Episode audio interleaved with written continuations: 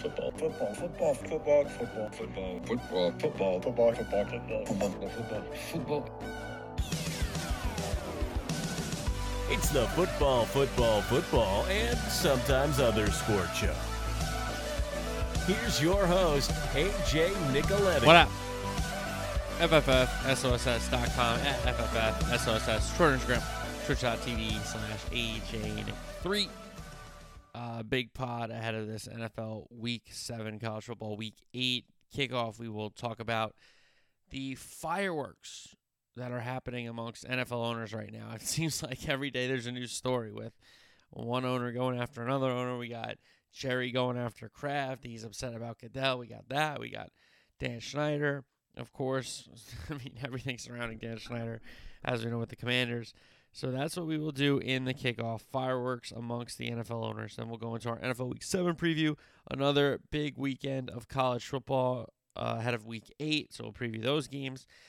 Midweek soccer recap, weekend soccer preview, star pool locks, and pick six. I was thinking about bringing baseball in, but um, I was, I think maybe Thursday, next Thursday, I'll bring baseball in because next Tuesday we'll have our final How's the Dragon reaction at the end of the program, so that gives us a spot for baseball to come in. And golf, honestly, is coming back soon. So with the, they got a good tournament this weekend. I think Rory's there, so that's good. So, um, Fireworks among, fireworks amongst the NFL owners in the kickoff NFL Week 7 preview, college football Week 8 preview, midweek soccer preview, weekend soccer preview, star pool locks, uh, pick six, and more. All right. Kickoff. And the NFL owners, coming out of the NFL owners meeting in the fall, um, a lot of storylines surrounding the people that are the wealth of this league. Okay. Dan Snyder versus everybody. Okay, we got Jim Irsay saying publicly that they, he thinks that they have enough votes to get him out. Then at the meetings, we have Jerry Jones cursing at Bob Kraft regarding Goodell's new contract, and we know Jerry's not the biggest fan of Goodell. Okay.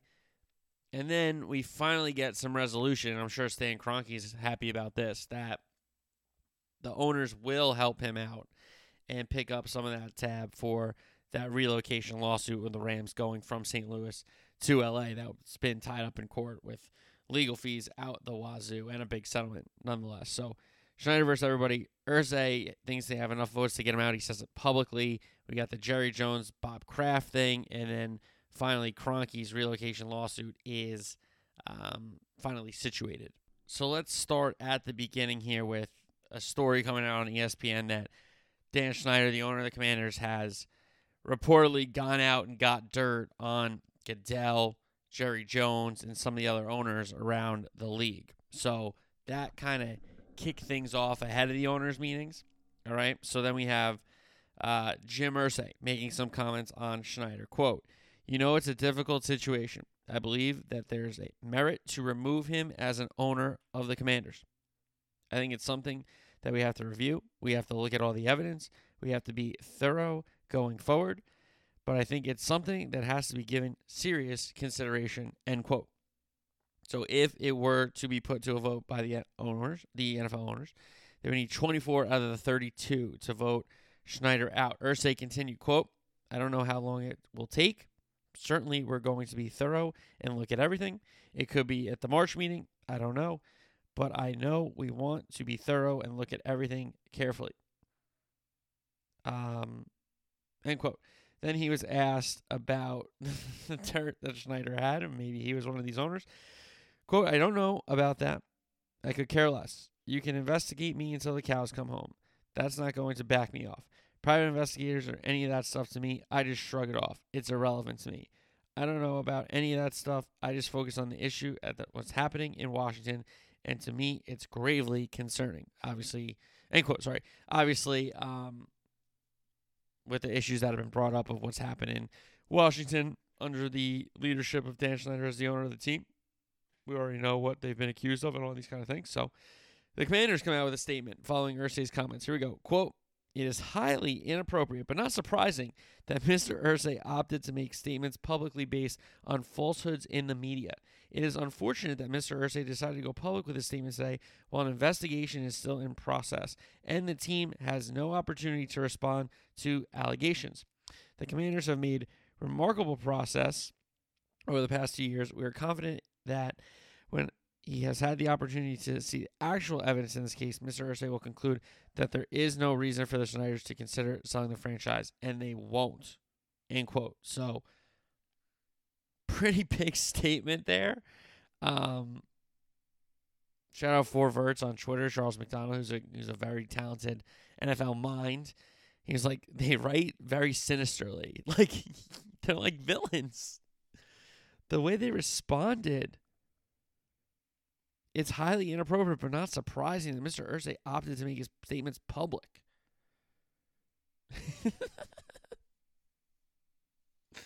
so the commanders strike back hard.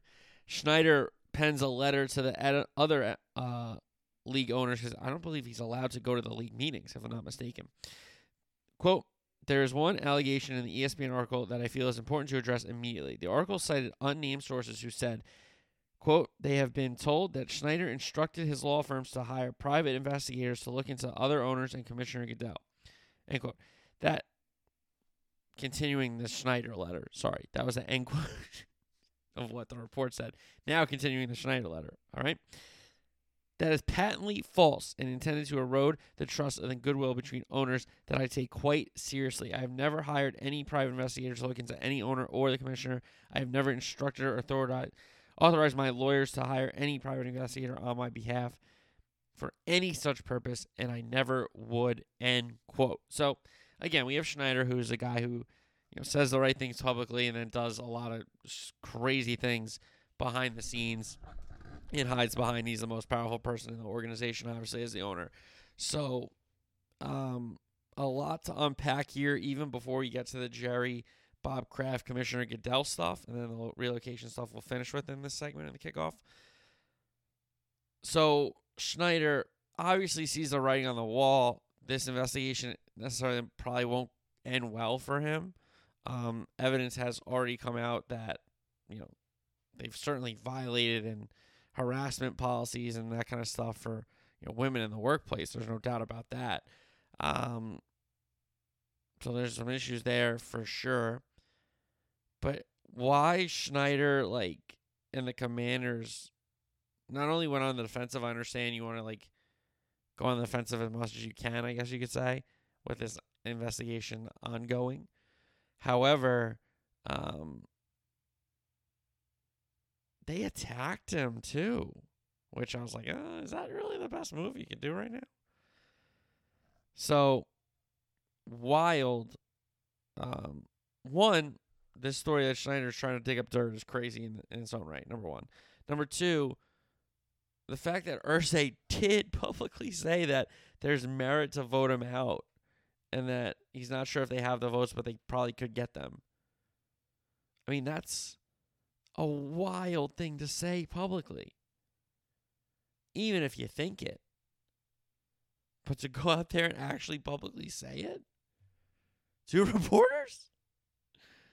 So, I mean, hey, give Irsay credit for standing up for what he believes in there, I guess. Um, then we have the commanders attacking him, and then Snyder being like, that's false. I would never do that. I would never have done that. Okay, dude.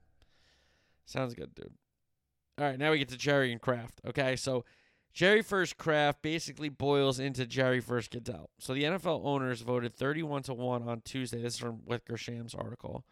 Um, and most of these quotes are from Wickersham's article, by the way. So shout out Wickersham. Um, NFL owners voted 31 to 1 on Tuesday to permit their compensation committee to open negotiations with a new contract for Commissioner Roger Goodell. To which Jerry Jones said, Don't F with me to Kraft, who was kind of um, leading the, the words of goodwill towards Goodell's new contract. Jerry says, "Don't f with me." Kraft says, "Excuse me," and Jones follows up with, "Don't mess with me." I think this is kind of relating to the fact that you know, if you're on this comp- compensation committee going to negotiate the contract, I don't believe Jerry is. I think some other people are. You better um, you better be ready to deal with Jerry's wrath. and, you know, obviously that can be misinterpreted and all these kind of things. But I just think Jerry is not the biggest fan of Goodell. Why? So people have dug into this. Obviously, he doesn't really love the suspensions that have come to the Dallas Cowboys. He thinks it's unfair, which is obvious uh, for some of the players. But Jerry doesn't like the contract that the owners have with Goodell. Um, Goodell and even like selling himself has been like very vague in um, what the targets are financially for the league. So here's a source. Quote, he believes, and he's talking about Jerry, believes in corporate good governance and wants accountability on the financial goals tied to Rogers' bonus. Said a league source familiar with Jones' thinking. He is sensitive to awarding a big bonus to Roger before he performs it and earns. Uh, the source added that in the past, Jones has thought Goodell's financial targets were too vague. So for Jerry, it just comes down to yeah, you're doing a good job, but why do you deserve that much? and it's crazy that all the other owners are like, yeah, keep him. And Jerry's like, nah, let's slow down. Hold on. Hold on just a second.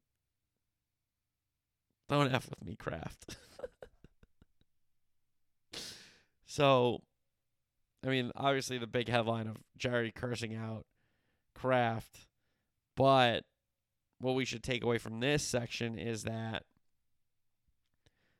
Goodell, in his conversations with the owners, hasn't been concrete with um, the targets financially of the league. So I think it's very interesting and honestly, like uh, you know, football. We talk about the athletes, we talk about the players, we talk about the coaches, the game planning, the X's and O's, the playing on the field. But there's also like this kind of Game of Thrones thing between the owners and Goodell and who's really in charge and the money being made and all this kind of stuff. So I think I find it kind of fascinating and intriguing, to be fair. And then finally, before we get to our NFL Week 7 preview, the owners have really agreed. And Jerry had Kroenke's back here because Jerry wanted, I think everybody knows that Jerry wanted teams in LA because LA is a really big market. Um, and you saw that in Entourage, by the way. I mean, it's obvious, right? Um, for my Entourage fans out there. But if you recall, last one of the last two times we talked about the owners meeting, I believe it was last March, where this issue with Kroenke came up, and Jerry was one of the people like, "Hey, we said we would pay." So we're gonna pay. And all the other owners are like, no, why we have to pay? No, no, no, we're paying. End of story. So comes to this owners meeting, and they do agree to split that lawsuit. And hey, credit St. Louis for winning that lawsuit. Good for them. Good for the city. Um, but yes, they have sued Stan Kroenke and the Rams, and the NFL owners are going to split it for Kroenke which he's probably very ecstatic about. And I'm sure, honestly, like Arsenal fans should be really happy about that news. that their owners have to pay like almost a billion. All right, um, NFL Week Seven preview now. Buffalo, the LA Rams, the Minnesota Vikings, and the Philly, the unbeaten Philly Eagles, Philadelphia Eagles, are on the bye. Thursday night we get started with New Orleans and Arizona. I think Winston will be back for the Saints. It seems like he will be. It seems like he possibly could have went last week, but now I think he is back. So New Orleans in the desert. Listen, Arizona has been very, very disappointing. I don't know if they know when the games start, the way they've started games, the fact that they haven't really gotten in the end zone in their first halves and had to play from behind into second halves and had to be really perfect and you know that's tough. So I think for this game, if New Orleans with Jameis can get it going, start hot, you know, pull away a little bit, it's the same game that Arizona's played all year, which is go down early and possibly pull it out out of nowhere in the second half or lose. So if you're in New Orleans, you jump out and you see what happens. Because I think if you're in a game with them, or if Arizona scores first, or Arizona jumps out, it's kind of a whole new ball game, and you don't know how the Cardinals are going to react. If you go out in front, it's either going to happen one way. They're either going to come back and beat you, or you're going to win the game. And we've seen it week in and week out with the Arizona Cardinals. They have not looked good. Kingsbury and Murray, it's just inconsistent. It's not doing enough offensively. Uh, defensively, they have players and they're trying to figure it out, but it's a lot of young guys with Watt, by the way. Um, and honestly, New Orleans defense hasn't looked great, but they have a lot of players on that side of the ball. I think it's a better unit for sure. Arizona adds Robbie Anderson. They're getting Nuk Hopkins back, um, but they lose Hollywood Brown. So they're about to be almost full strength at wide receiver, bringing in a new guy and getting their star guy back. But they lose who is probably going to be getting one-on-one looks if you bring in a Robbie Anderson and you bring in uh, Nuk Hopkins off suspension was Hollywood Brown. Probably was going to get a lot more one-on-one looks, but he's out. I think this is a weird game on a Thursday night. I want to say Arizona shows you something at home. I mean, if this game was in New Orleans, I would pick New Orleans, run away with it, and just go to the next game. But I do think it's tough to go on the road on these Thursdays. It's it's difficult on a short week. I still think New Orleans wins the game. I'm not I'm not like convinced cuz at some point Arizona has to play a good first half, right? At some point in like a full 60 minute game.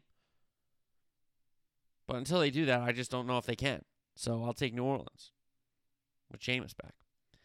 All right. Um, Indianapolis and Tennessee next.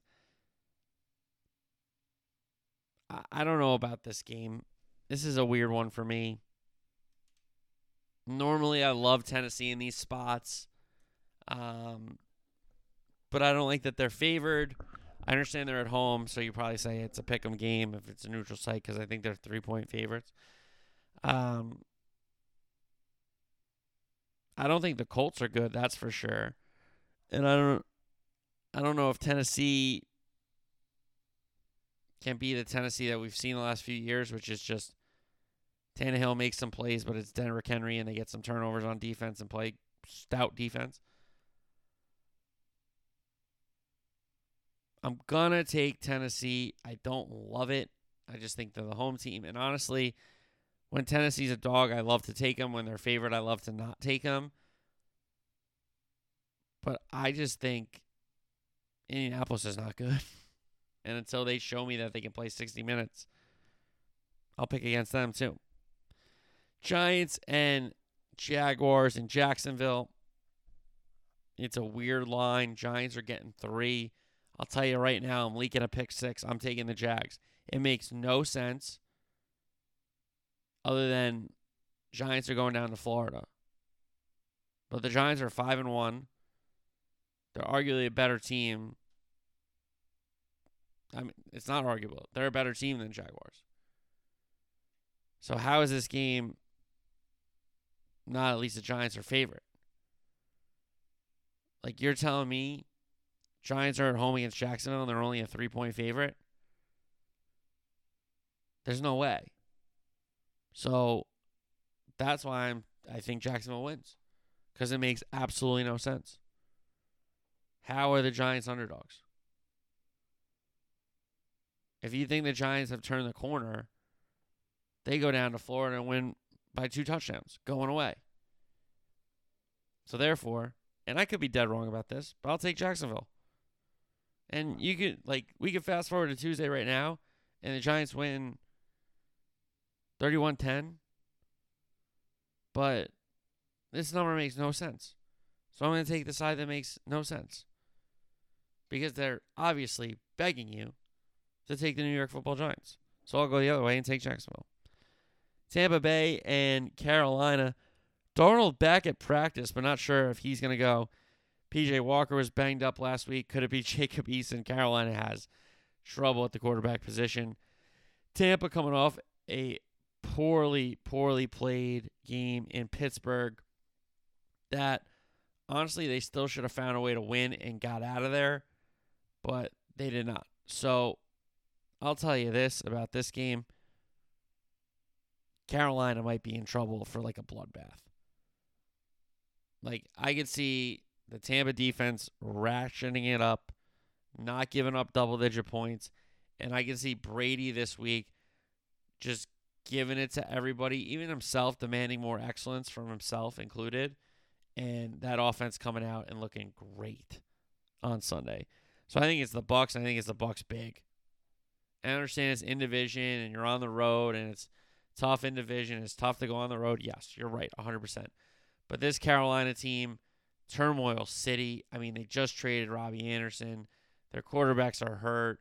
They fired Rhule. There's just so much going on in Carolina. How do you bring how do you beat Tom Brady? You know, with all that going on. So, I will take Tampa there. Green Bay and Washington. It seems like it will be Heinicke, not the rookie Sam Howell for Wentz. Um, this is another weird game. If the Packers beat the Jets last week, this could be a 10 point spread, but they don't, you know, they don't. So everyone doubts the Packers again. Listen, I'm going to tell you this right now. Packers are going to go to Washington and win by like two scores. Minimum. Because everyone's down on the Packers. Usually, when everyone's down, they get back up, they get a big win. Washington, Heinicke is a nice story, even if it's Sam Howell. Interesting story with a rookie coming in. But they're not that good. And I understand it was Wentz who I clowned the most. But Heinicke isn't like a franchise guy. Sam Howell would be a rookie.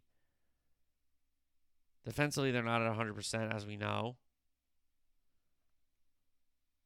Especially on that line with Chase Young. So I think it's a Green Bay, honestly, a route.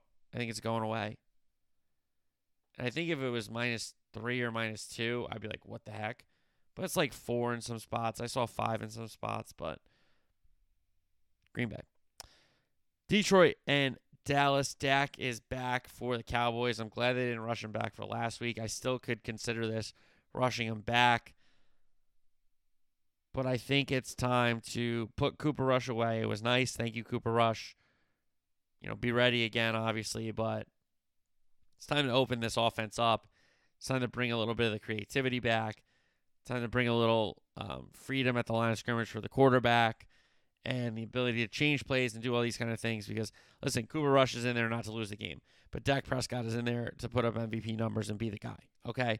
So you know, I, I hope Dalton Schultz is back in the lineup too with Dak. That'd be great to have his little security blanket back at tight end. Again, not sure about that. That's okay. It is what it is. The rookie tight ends have been good. Ferguson and company. So the young guys there have stepped up in Schultz's absence. I'll say this. Last time we saw Detroit, they got shut out in New England. That excellent defense was really nowhere, Or excellent offense was nowhere to be found. Okay. I think they will play better against the, the Cowboys. But I think the Cowboys win. I, I think the Cowboys win the game. I really like Dak coming back. They're at home. Defense is pissed off after the loss against Philly. They felt like they didn't play well. And when the offense got them back in the game, when the offense got them back in the game, they didn't get off the field. Okay? So I think it's complimentary football this week for Dallas. And Detroit, again, I like Goff, I like Campbell, but their defense can't stop anybody. And offensively, they just struggled against a, a pretty good defense. Now they're going up against maybe the best defense. So I think they will score, but I think the Cowboys win this one. Atlanta and Cincinnati up next. I think this could be a high scoring game. Atlanta's defense isn't great, and they seem to get some points, manufacture drives. And Cincinnati, I think, has quietly started to put it together a little bit with Burrow. And yeah, their offensive line is still coming together. You know, they bring in Collins, they get a couple of new guys in there as well. It's not easy to to build that chemistry right away, okay? So I think offensively both teams will be able to score in this one. I think it'll be a fun game in Cincinnati and I expect Burrow and company to have enough to pull it out. And I think Atlanta will be in the game, but will find a way to lose because last week they played a really strong game. Even like early on, they let the Niners back in at tied at 14, but then they didn't let them score again. And that was really, really impressive. So I don't know the Niners are like a piece of themselves with so many injuries, but I still like a high scoring game here. I like Cincinnati win. Cleveland and Baltimore. Honestly, Baltimore has to find a way to win a game. And not with like Lamar magic, but like for 60 minutes, play some good football. Because some of the games they've lost, they've been ahead. If not all the games they've lost, it seems like. Um, they've been ahead and let the other teams come back. You gotta play better football. And Cleveland Cleveland is weird because they're a couple plays away from a couple more wins. And obviously they've lost their share games as well. But you know, they should have beat the Jets. They probably should have beat the Chargers. The Chargers handed them the game with that decision late to go for it. And York misses the field goal, as we know, two weeks ago. I think it's an interesting game.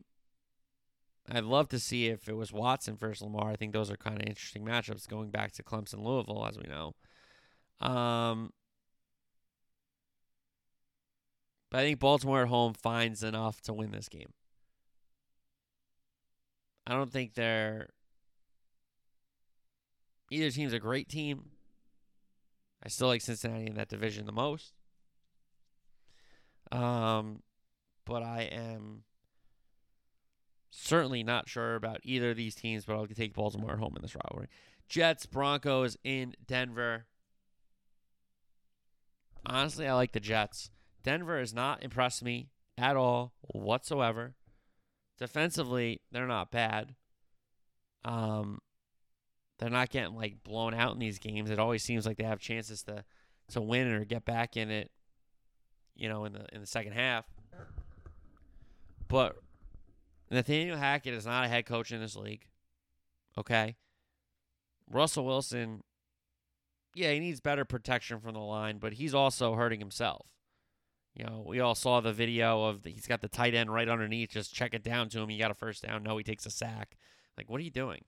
Um, we know two weeks ago when they lost to the Colts, he's got um, who do you have? Hinton maybe or Hamler? He had somebody. I forgot who it was. Right off the pick play, had a touchdown to win the game. Um, those are the other way. Try to force it into Sutton, if I'm not mistaken. Um, and the Jets have just kind of put quietly together a nice start of a season with some comeback wins. They just went to Lambeau and like I don't want to say they dominated the Packers, but they put it to the Packers, and you got to give them credit for that. Um, so honestly, I think the Jets go there and win the game because the Jet team seems and feels like a confident group, whereas the Bronco team, there's questions surrounding each and every one of those position groups. You know, offensive line can't block for Russ. Ross isn't doing great. The running back position has been crazy since Williams went down. Gordon's barely playing, all this kind of stuff. Wide receivers. Jeudy is has some drops. You know, they've been open sometimes. Russell doesn't get them the ball. Then he's looking to get on the ball and they don't run a good route. You know, defensively, they've had some penalties in the secondary. Um, front seven's been, you know, good enough, but they make some mistakes as well. So honestly, I'll take the Jets. I'll take the Jets. We'll see what happens. Honestly. So give me the Jets in Denver. Houston and Vegas in Las Vegas. I like a high scoring game here. I do. I think it's a a game where you know neither defense really shows up and steps out because I think Houston, you know, has shown that they have some big play capabilities, whether that's the running back or Mills looking up top to Cooks and some of these other guys. Um, and then Vegas with Carr and McDaniels' offense, obviously Davante Adams and Waller, Renfrow running the little routes, and Jacobson's been good. So I think this could be a game where you know both teams score early. We get an exciting um, throw it around the yard kind of game at four o'clock. So I like Vegas at home, but I do think it's an exciting, um, high scoring affair. Seattle and the Los Angeles Chargers at some point, and I think it might have started last week, but the Seattle offense is going to slow down. Um, and Seattle as a team is going to slow down. And honestly, the Chargers, you know, without Keenan Allen, and he should be back soon enough, right? But they're not as complete. Yes, Mike Williams is a really, really good wide receiver, but he's not wide receiver one. Um, you know, yeah, Everett's a nice piece, and Palmer and some of these other receivers are nice, but Keenan Allen really makes them go. Ekeler's had some really good games recently, so he's been great. I can't knock him. He's been brilliant for them. And Herbert obviously is fantastic. Defensively, they need to get some guys back. Maybe they benched J.C. Jackson, maybe they didn't, but that's that's not great if he's a guy that's got benched. You know what I'm saying? When you bring him in um, for what you did and the responsibility you put on him to be a leader of those DBs, right? So I just think this is a game where the Charger offense is a little overhyped still right now. I think they're a really good unit, and I think by the end of the season they'll be putting up their points and stuff. But they're not 100%. They haven't taken it to a team. And I think Seattle, this is the beginning of them coming back to earth from a hot September and into October. So I like a low scoring one here. And I think the Chargers find a way to pull out a low scoring tight game. I think there's some turnovers. I think there's some punts. I just don't see it being high scoring. Now I could be dead wrong, and both teams could put up 40 and be like, AJ, you're an idiot. But that's, it is what it is. You're gonna be wrong in this business. It is what it is. Kansas City and San Francisco up next. San Francisco, there's just so many guys hurt. Tackles on offense. Guys on the D line. Obviously, Trey Lance has been banged up. Elijah Mitchell, one of their backs, banged up. Kittle just came back a couple games ago, but he started the season hurt. Bosa banged up. So, so many guys are hurt for this Niner team. Guys in the secondary, guys at the linebacker position, guys on the D line, guys on the O line, skill position guys. Obviously, Trey Lance, but they have the insurance policy, Jimmy G, that they cashed in, obviously. So, San Francisco at home they welcome in KC. KC, fresh off that loss against Buffalo, where not a high scoring game. A lot of mistakes by both teams. Kansas City had a lead, but Buffalo goes down the field and, and takes the lead for good with Mahomes throwing a pick the next play, basically. I like Kansas City here. I think the Niners are just in such a tough spot with so many injuries at so many crucial positions. Yes, still Jimmy G, Deebo, Kittle. Aiyuk had two scores last week in the loss against the Falcons. Wilson's been solid, but he fumbles a little bit. And defensively, they're missing a lot of their guys. They're still a good team. They're still well coached under Shanahan. But I just think this is a really, really tough task against Kansas City and Kansas City just lost last week. So they're going to be really fired up to go play. So I like Kansas City on the road there. All right, Sunday Night Football, Pittsburgh and Miami. Two up back for Miami, and if Kenny Pickett is cleared, he will be the starter. If not, it's Mitch.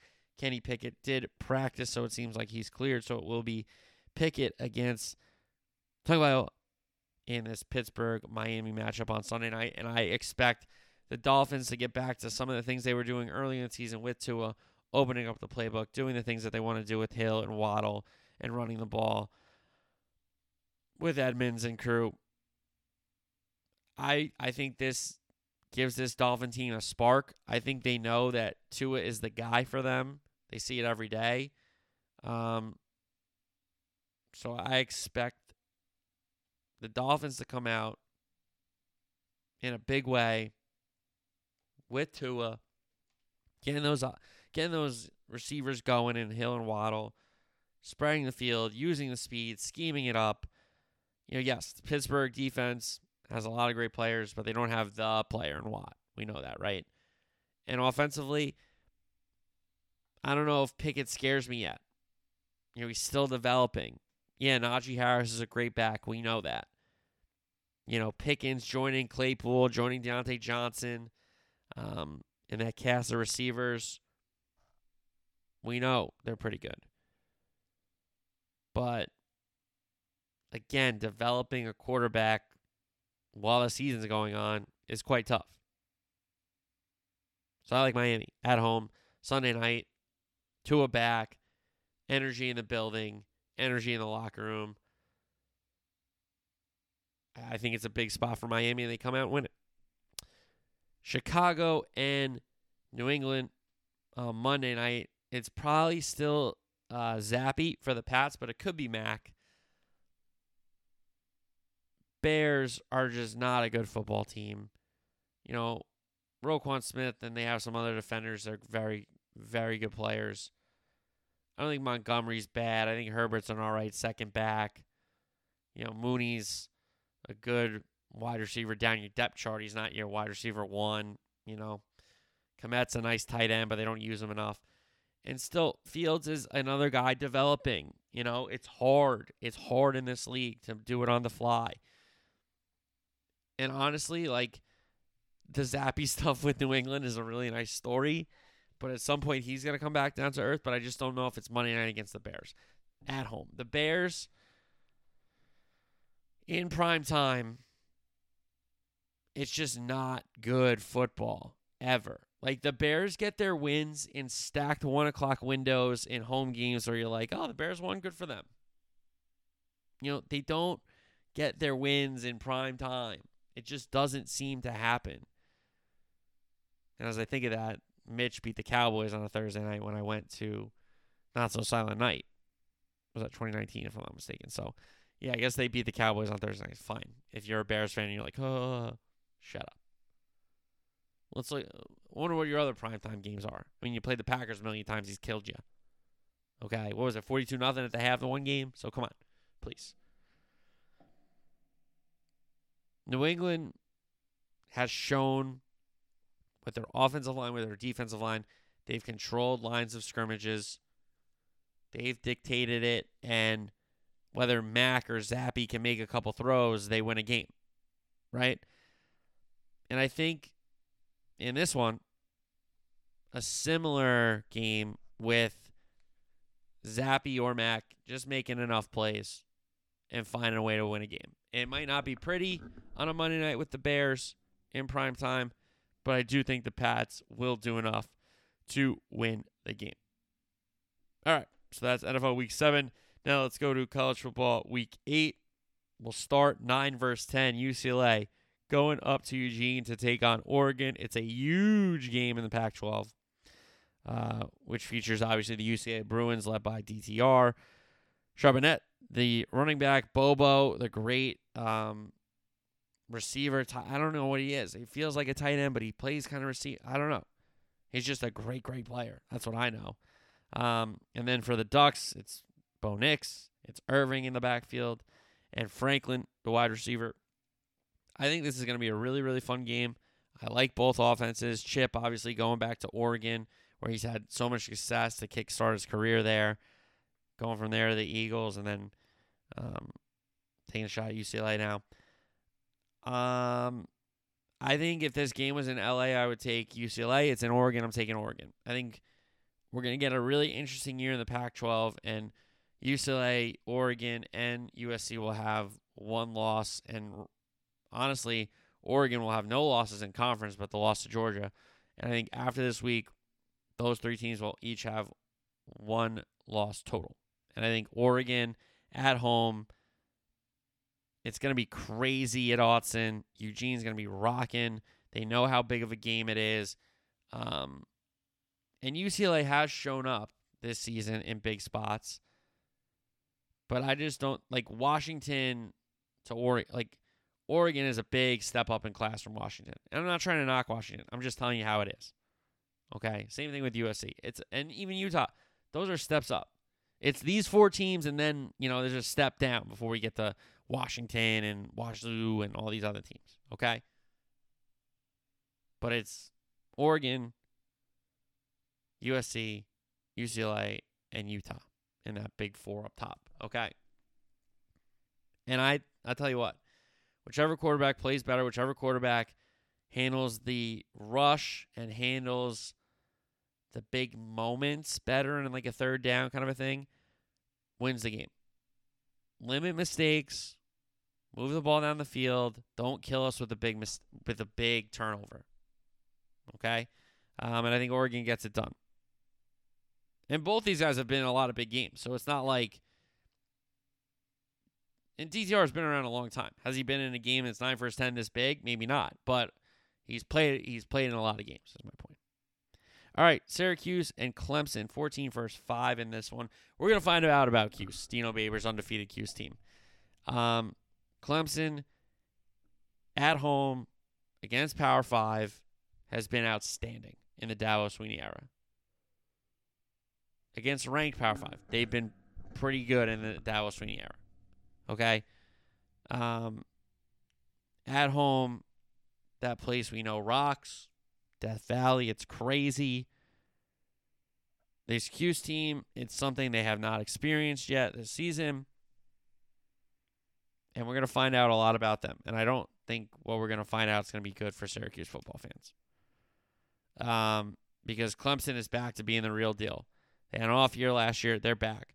Uiagalelei looks great. Defensively up front, yeah, I understand in the secondary they're working some guys in. They've had some suspensions, they've had some injuries. I get that. But their front seven is crazy. Their pass rush is wave after wave. Guys, Bresee is unbelievable leading the line there. Um, I think Clemson just does what they do at home and they pull away. That's what they'll do. Uh, Mississippi State and Bama up next, 24 for 6. This is a really, really tough spot for Mississippi State. You know, if they were coming off beating Kentucky, I think they would have felt better about it. Um, but they're going to Tuscaloosa to play a pissed off Alabama team that's coming off losing against Tennessee for the first time in a long time. And we know what happens after Saban teams lose. Okay? Told you you weren't that good. All right. Process, over results, all this kind of stuff. You're worried about the result, not the process, right? This is going to be a process game. Bryce Young might throw for six touchdowns. And I'm not trying to kill Mississippi State or not, but they're just in the way this week. And this could be really anybody in, in, in Tusk T Town against Saban's Crimson Tide. But it just happens to be Mississippi State and it sucks for them because they're in trouble. Bama big. 17 Kansas State, 8 TCU. Another opportunity for TCU against a ranked opponent in their league. And again, purple versus purple warfare here. And Kansas State has had the, um, they've had, had upset motives in this conference. We know they get on Oklahoma. We know they picked off Texas it's a team and a school that lives to spoil big moments for other schools. And I just don't think like if this game was at Kansas State, I'd be like, yo, look out. This is upset alert city. This is trouble for TCU. You know, they win so many big games in a row. Now they have to go again. But they're at home. They had that awesome comeback against Oklahoma State at home. Duggan's been fantastic. Sonny Dykes has them playing really, really good ball. And I just think TCU finds a way. It might not be pretty. It might not be, you know, a, a dominant performance. But I think TCU finds a way to scrounge out a win. I really do. Last top 25 rank first rank of the weekend 20 Texas, 11 Oklahoma State. The big storyline here for Oklahoma State Gundy has not said if Spencer Sanders has practice or is going to play or anything. So, very, very in doubt the quarterback position for the Oklahoma State Cowboys. Whereas Ewers has come back in for um, Sark and just done the job for the Longhorns. An excellent three touchdown performance against Iowa State last week to win that one. And if Sanders is banged up, Texas wins this one going away. If he does play and, you know, relatively healthier than we think, then I think it's game on and Oklahoma State at home can beat anybody. Just that that atmosphere is outstanding um, at Boone Pickens. So I like Texas if Sanders is out or severely hampered. If he can play and is relatively closer to 100% than we think, than what we've heard coming out of Stillwater ahead of this one on Saturday, I would think Oklahoma State has a better chance, but I still like Texas in this one. All right, rest of the top 25. Iowa in the horseshoe taking on Ohio State. That could get really, really ugly. Like, really, really ugly. That could be like a historical loss for Iowa. UT Martin against the newly crowned number three in the land, Tennessee Volunteers. Um, don't let up off the gas here, okay? Be ready to take on a team that's from your state that wants to make it interesting. Now you're much better, and you should win the game going away. So just do that. Ole Miss goes down to Baton Rouge to take on Louisiana State University. And if LSU was in a better spot, I would say Ole Miss is in trouble here. But I think Ole Miss will find a way to win the game. Uh, they're a better team. I think they're a better coach team. And that is a shot at Brian Kelly. I think uh, Lane is a better coach than him. I like Dart. Um, I think the Ole Miss is in a better spot as a program than LSU right now. I know the game's in LSU, but I like Ole Miss to find a way to win on the road and set up a great showdown with Bama, hopefully. Boston College, number 13 Wake. Interesting teams here. Um, you know, Wake doesn't have the best defense, but can BC keep up? Probably not. So Wake could distance themselves from BC here. Minnesota and Penn State. If Tanner Morgan can go for Minnesota at the quarterback position, it makes it a little more of an intriguing game. But I think Penn State back at home after really falling apart there third quarter into the fourth quarter against Michigan and Ann Arbor last weekend. Penn State back at home. I don't think it matters if Morgan starts. I think Penn State wins the game. Cincinnati at SMU. I mean, Cincinnati should have more than enough to win that game. And then Tulane is in the top 25 the first time in 24 years, if I'm not mistaken. They're at home against Memphis in the AAC. All right, over to footy. Midweek soccer recap. EPL Brighton and Forest played to a nil-nil draw. At least Forest got a point there. That's big. Crystal Palace Wolves. Palace win it 2-1. It was Traore opening the scoring for Wolves, but then Eze, a great equalizer, and Zaha, the winner for Patrick Vieira's Crystal Palace. Liverpool, West Ham, Liverpool 1 0. Nunez finishes off the cross from Tsimikas, and Gomez fouls. Um, who did he foul? Scamacca? He found somebody in the box. Um, and Bowen went up to take the PK, and Alisson made a great save. So it stayed 1 0 Liverpool, and that's how it finished 1 0 Liverpool. Bournemouth, Southampton. Southampton 1 0 is a Che Adams goal for the Saints to steal the points at the Amex. Was that South Coast Derby, if I'm not mistaken? Brentford and Chelsea. That one finished nil nil. Interesting side from Chelsea. Broja getting his first career start. Newcastle, Everton. I thought this could have been a little more um, scoring, but it was not.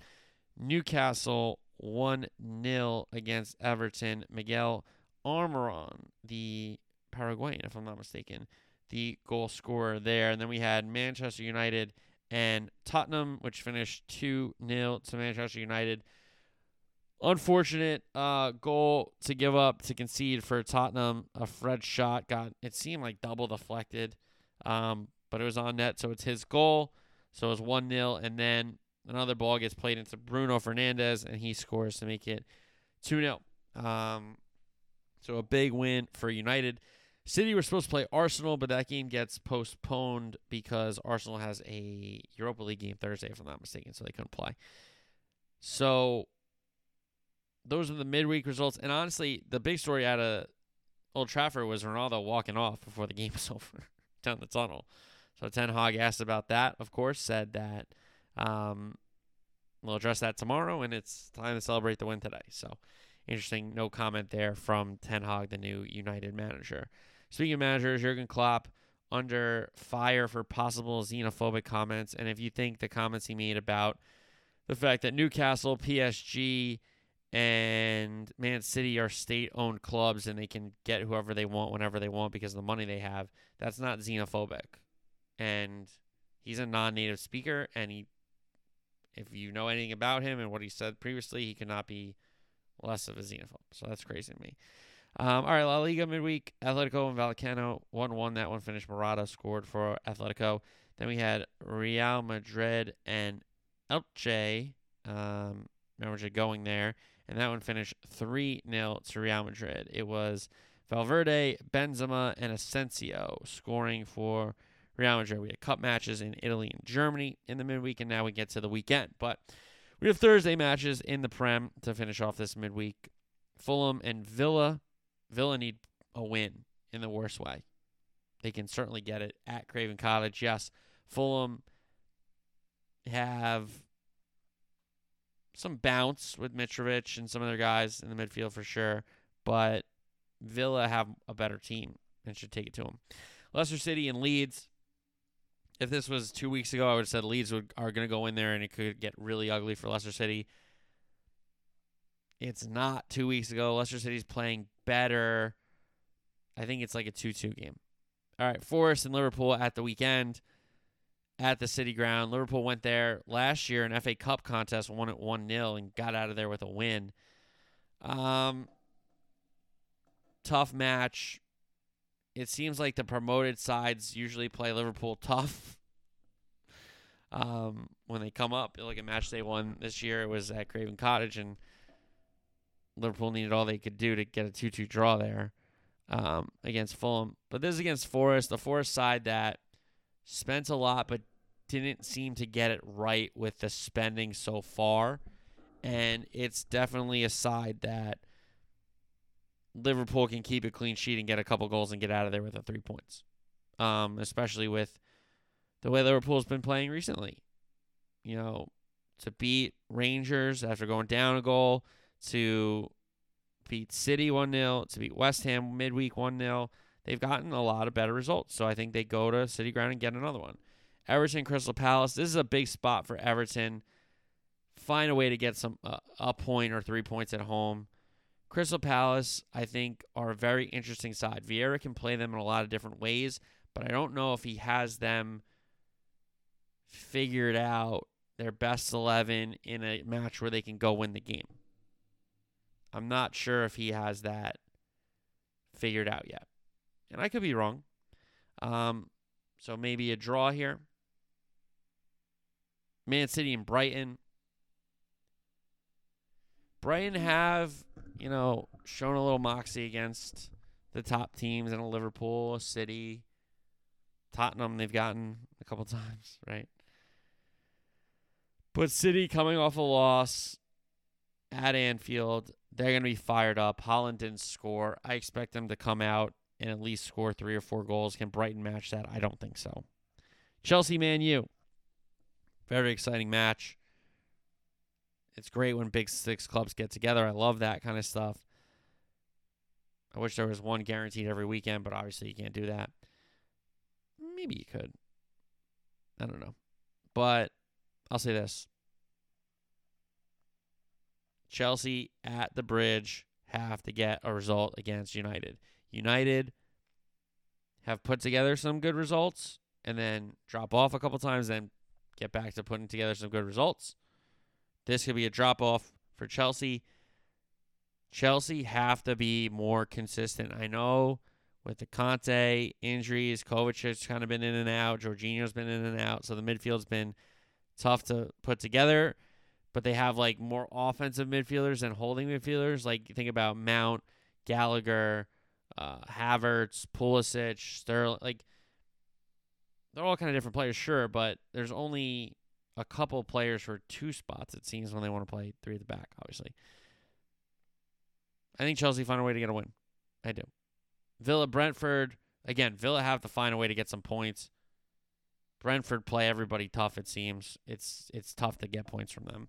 Leeds and Fulham. If Fulham come out and want to play, I think that could be a really fun game. Southampton, Arsenal. Arsenal have to con- like this is a game where if you want to compete with City, you go to Southampton and you beat them by two, three goals, and you get your points and you go home.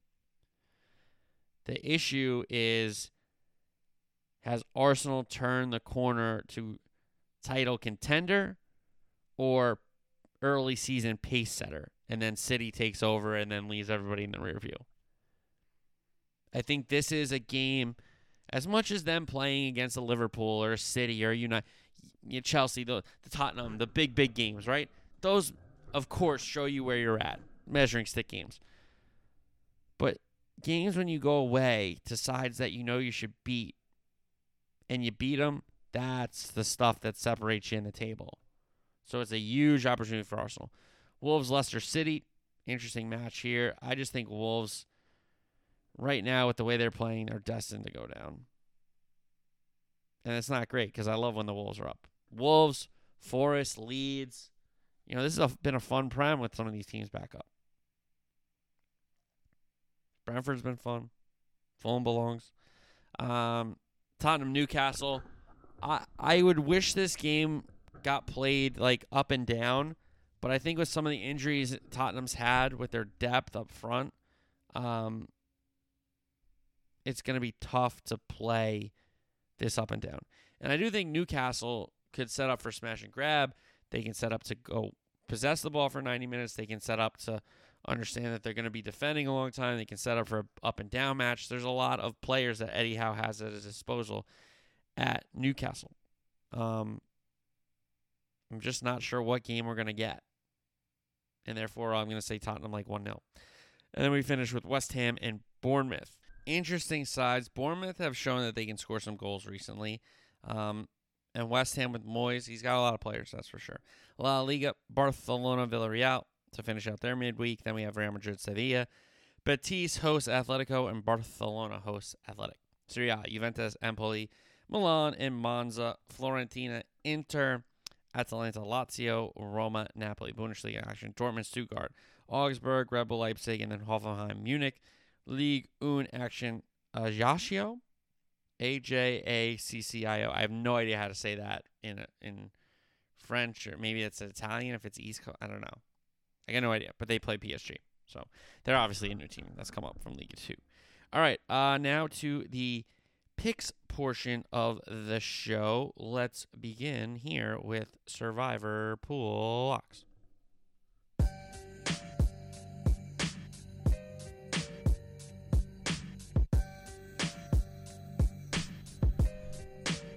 Ten and eight on the season, not good enough. Hopefully, we give you a three and zero here. Pick number one Tampa Bay goes to Carolina, and I know it's a violation of two rules. It's a road game and it's in division. I get that. But if Tampa can't show up here, coming off that poor performance against Carolina, uh, it's coming off against Pittsburgh. Sorry, this game against Carolina. I mean, find a way to win a game, man. You don't need them to cover the 10. You just need them to win. So, Tampa Bay at Carolina, pick number one. Pick number two, Cincinnati at home against Atlanta. I like Cincinnati in this spot. At home, at a conference. Atlanta comes in. Cincinnati's a better team. I think it could be a high scoring, interesting game. But I think Cincinnati finds a way to get ahead, stay ahead, and win the game. Then pick number three, Miami on Sunday night. Tua back. They're taking on Pittsburgh. I don't think Pittsburgh's going to get a lot of wins this year. They got one last week. I don't think they put two in a row together. Miami, Tua back, big spot Sunday night. I think Miami gets their season back on track on Sunday night. So they are pick number three. So I got Tampa going to Carolina, pick number one. Cincinnati at home against Atlanta, pick number two, and then pick number three, Sunday night, Miami at home against Pittsburgh. 10 and 8 on the season, not good enough. I think I said that at the beginning of the segment. So if I didn't say that, sorry. 10 and 8. Again, not good enough. Tampa Bay this week, Cincinnati, and Miami are the picks for Survivor Pool Locks week seven. All right, so that's Survivor Pool Locks. You know what follows up Survivor Pool Locks. It is the FFF SOSS pick six for week seven in the National Football League, the league where they play.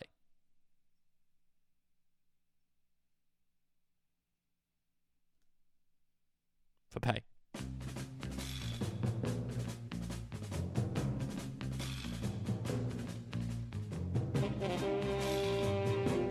Fifteen, twenty, and one. That's just not good enough. And we will try to have a better week this week. Pick number one and I and, and this one could start us off 0 1 this week for sure. But the Giants are getting three. It makes no sense. It's illogical. So that's why I'm taking Jacksonville minus the three. Jacksonville at home should have beat the Colts. Did not lose that game in Indy. Now come home against the 5 1 Giants where everybody's going to be on the Giants. The Giants are getting three. There's no way. The Giants are underdogs against Jacksonville. There's no way. They're right and everybody can't be right. So give me Jacksonville minus three at home against the New York Football Giants. Pick number one. Pick number two. Green Bay is going to Washington. I think you are getting a situation here with Green Bay that it would never be this low of a spread, especially against a backup quarterback. So I saw four somewhere. That's what I'm taking. Green Bay minus four.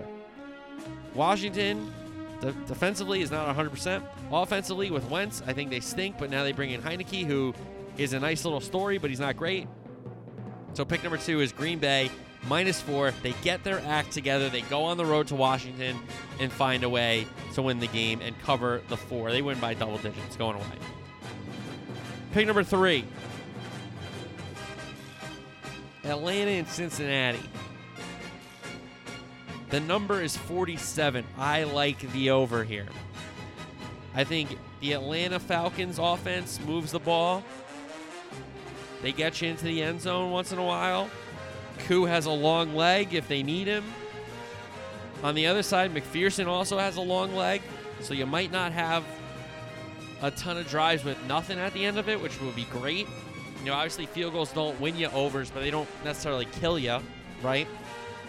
And I do think between Burrow and Mariota, we get guys that want to throw the ball, guys that want to make plays, and I think we get a high scoring game in Cincinnati. Pick number three, Cincinnati, Atlanta, over 47 is pick number three.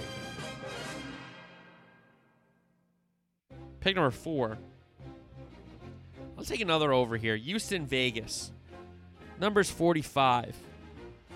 I feel like this could have been a 49, you know, a 47 48. So I think we're getting a couple points off the start. I think it's Houston coming off a bye. Mills likes to throw the ball down the field. You always have an opportunity for a pick six. Okay. If somebody jumps an out route. The back has taken some big runs to the house. Jacobs has moved the ball for the Raiders offense. Carr throws the ball down the field. He, he always is a turnover machine. You know, short fields possibilities. So I think we get enough points here between Houston and Vegas. Maybe it's two eh, teams that just it's a game where you're thinking, oh, that's an under. Two not so good teams. And they just start scoring left and right. Hopefully we get that game and this one's decided early. Houston, Vegas over 45 is pick number four. Pick number five Seattle and the Los Angeles Chargers, the number is 51. I don't think it should be that high. I think the Seattle offense is coming back to earth. They only scored 19 last week. They're not that good. I know you're like, well, Geno's really good. No, let's calm down. So we need to settle down on the Geno stuff. I think Seattle comes back to earth. I think the Chargers, without Keenan Allen, are not 100% on their offense.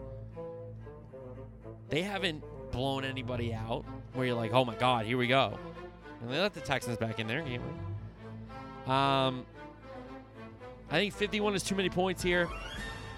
And again, this could be 40, it could be 42, 35, and I could be dead wrong. But I just think it's a too many points here. 51. I'll go Seattle and the Los Angeles Chargers under 51. And pick number six, Sunday night, Miami. Tua's back. Tua, Dolphins, minus seven against Pittsburgh.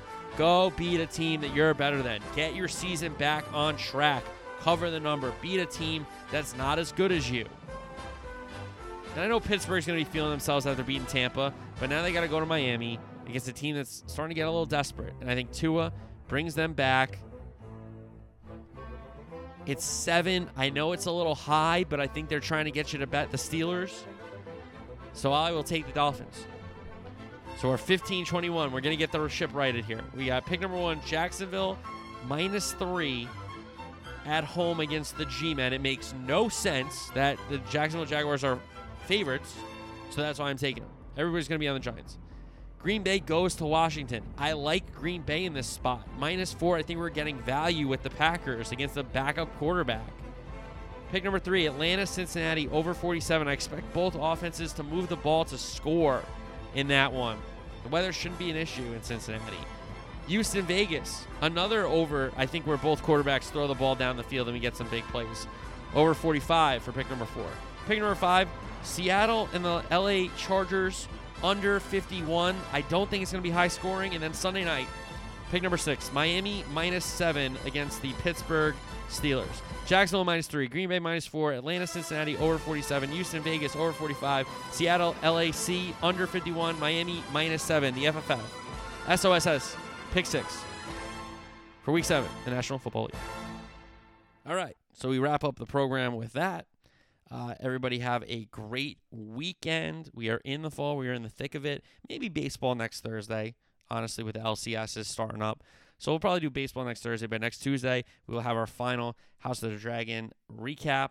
Um, so that'll open up some time at the end of the program. So enjoy some big, big NFL games, another huge slate of college football, and another great slate of footy across Europe. So everybody enjoy it. Have a great weekend. I will talk to you on Tuesday. Until then. Peace.